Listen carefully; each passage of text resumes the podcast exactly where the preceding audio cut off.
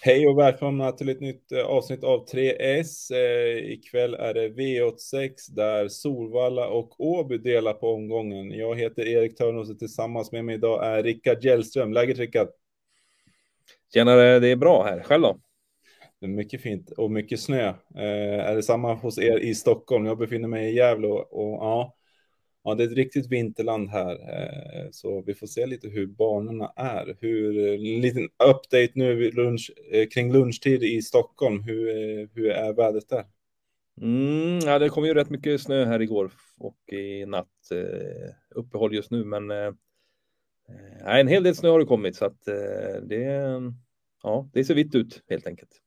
Vi får följa upp väder kring de båda banorna lite närmare. Eh, spelstopp 18.30 drar vi igång live-rapportering och det är med mig ikväll så jag kommer ge er den senaste infon kring vädret. Men eh, nu ska vi dra upp eh, de tre rubrikerna spiken, eh, skrälloppet och chasa och vi börjar ju givetvis med spiken.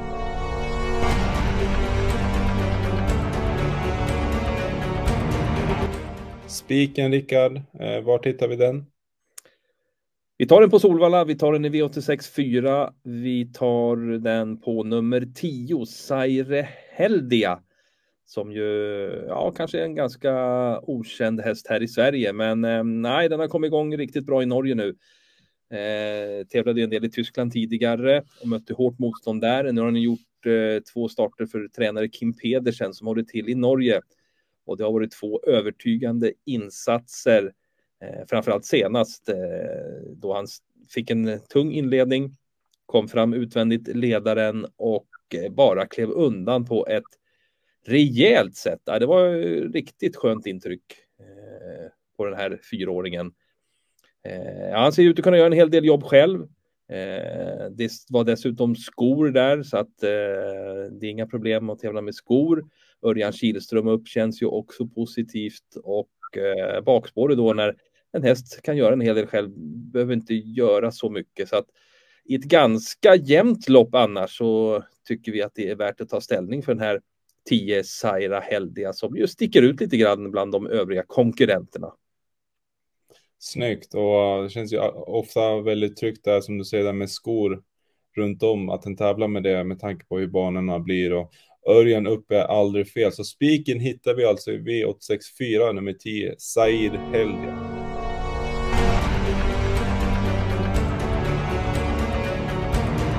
Spiken avklarad. Eh, vart hittar vi skrällarna, Rickard? Mm, skrälloppet det har vi valt i V86 6 och det handlar ju om ett lopp för ston och det är ju inte allt för sällan som man har sådana lopp som skrällopp, bland annat på V75 dagar brukar vi ofta hamna på diamantstorlopp och de är ju rätt ofta öppna och det är många hästar i loppen. Eh, det är två hästar som sticker ut här rejält. Nummer 9, Jannica och nummer 13, Ninja Zon. Vad säger vi där? Två riktigt bra hästar. 9 Jannica är ju en väldigt kapabel häst som ju kommer från seger, men såg väl inte helt bra ut i stilen till slut den gången.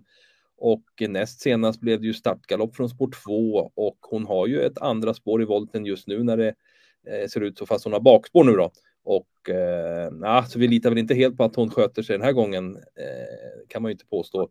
Och 13 Ninja Zon eh, har ju varit jättefin i regi André Eklund, men eh, ja, nu blir det skor och vanlig vagn här istället för eh, barfota och amerikansk vagn. Så att Ja, det är väl två hästar som absolut är kapabla att vinna, men vi litar ju inte på dem som hårt betrodda det här loppet, så det öppnar ju upp loppet rejält helt enkelt öppnar upp eh, och eh, är det någon häst som vill varna lite extra för?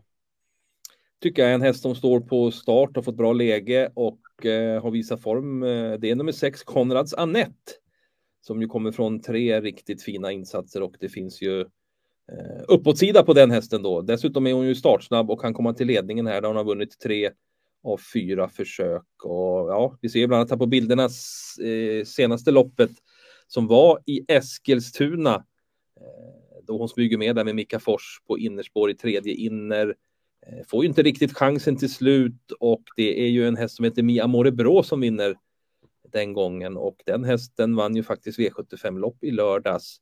Och Make It A Star som är med ikväll igen är slutat tvåa. Men Konrad Sanett brukas ju inte riktigt för fullt, det ser ut som, och eh, får ju inte chansen. Och hon gick dessutom i mål med tussarna kvar där, berättar Jörgen S. Eriksson. Så det fanns sparat. Så att det där är en häst man ska se upp för ikväll. 3 procent. Eh, tack så mycket säger vi till nummer 6, Konrads Annette i V866.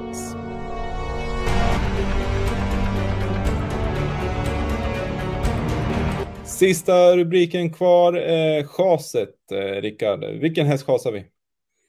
Då går vi till V861, första avdelningen, nummer 5, Eskes Fortunate har blivit väldigt hårt betrodd när vi sitter här mot vad vi tycker att hästen ska vara. Eh, och då eh, är det ju runt lunchtid på onsdagen här, 25 procent läser jag här och det tycker vi alldeles för mycket. Visserligen kommer hästen från två raka segrar, men då ska man tänka på att senast då eh, var det egentligen ja, tvåa i mål kan man säga. Då. Den som ledde och var på väg mot segern galopperade. Så att eh, hästen var ju inte först i mål den gången. Och sen eh, kan vi titta på lite bilder ifrån eh, gången före på Axevalla där hästen hade ett fjärde spår bakom bilen, precis ungefär som det blir idag då. Och eh, vi ser ju där är Giuseppe Lubrano som kör i en röd och vit dress. Öppnar inte så snabbt och han säger själv där att det går inte att ladda med hästen från början. Eh, det finns också galopprisk då så att ehm, ja, över kort distans så är risken att man hamnar en bit bak. Och eh, mot en del tuffa konkurrenter, eller ja, tuffa, men mot en del bra konkurrenter här så ja, det känns som en sårbar favorit och alldeles för hårt betrodd är Eskils Fortunate i våra ögon. Som vi steker helt på våra system. Eh, jag vet att vi har en idé här i, i det här loppet. Eh, vem är det?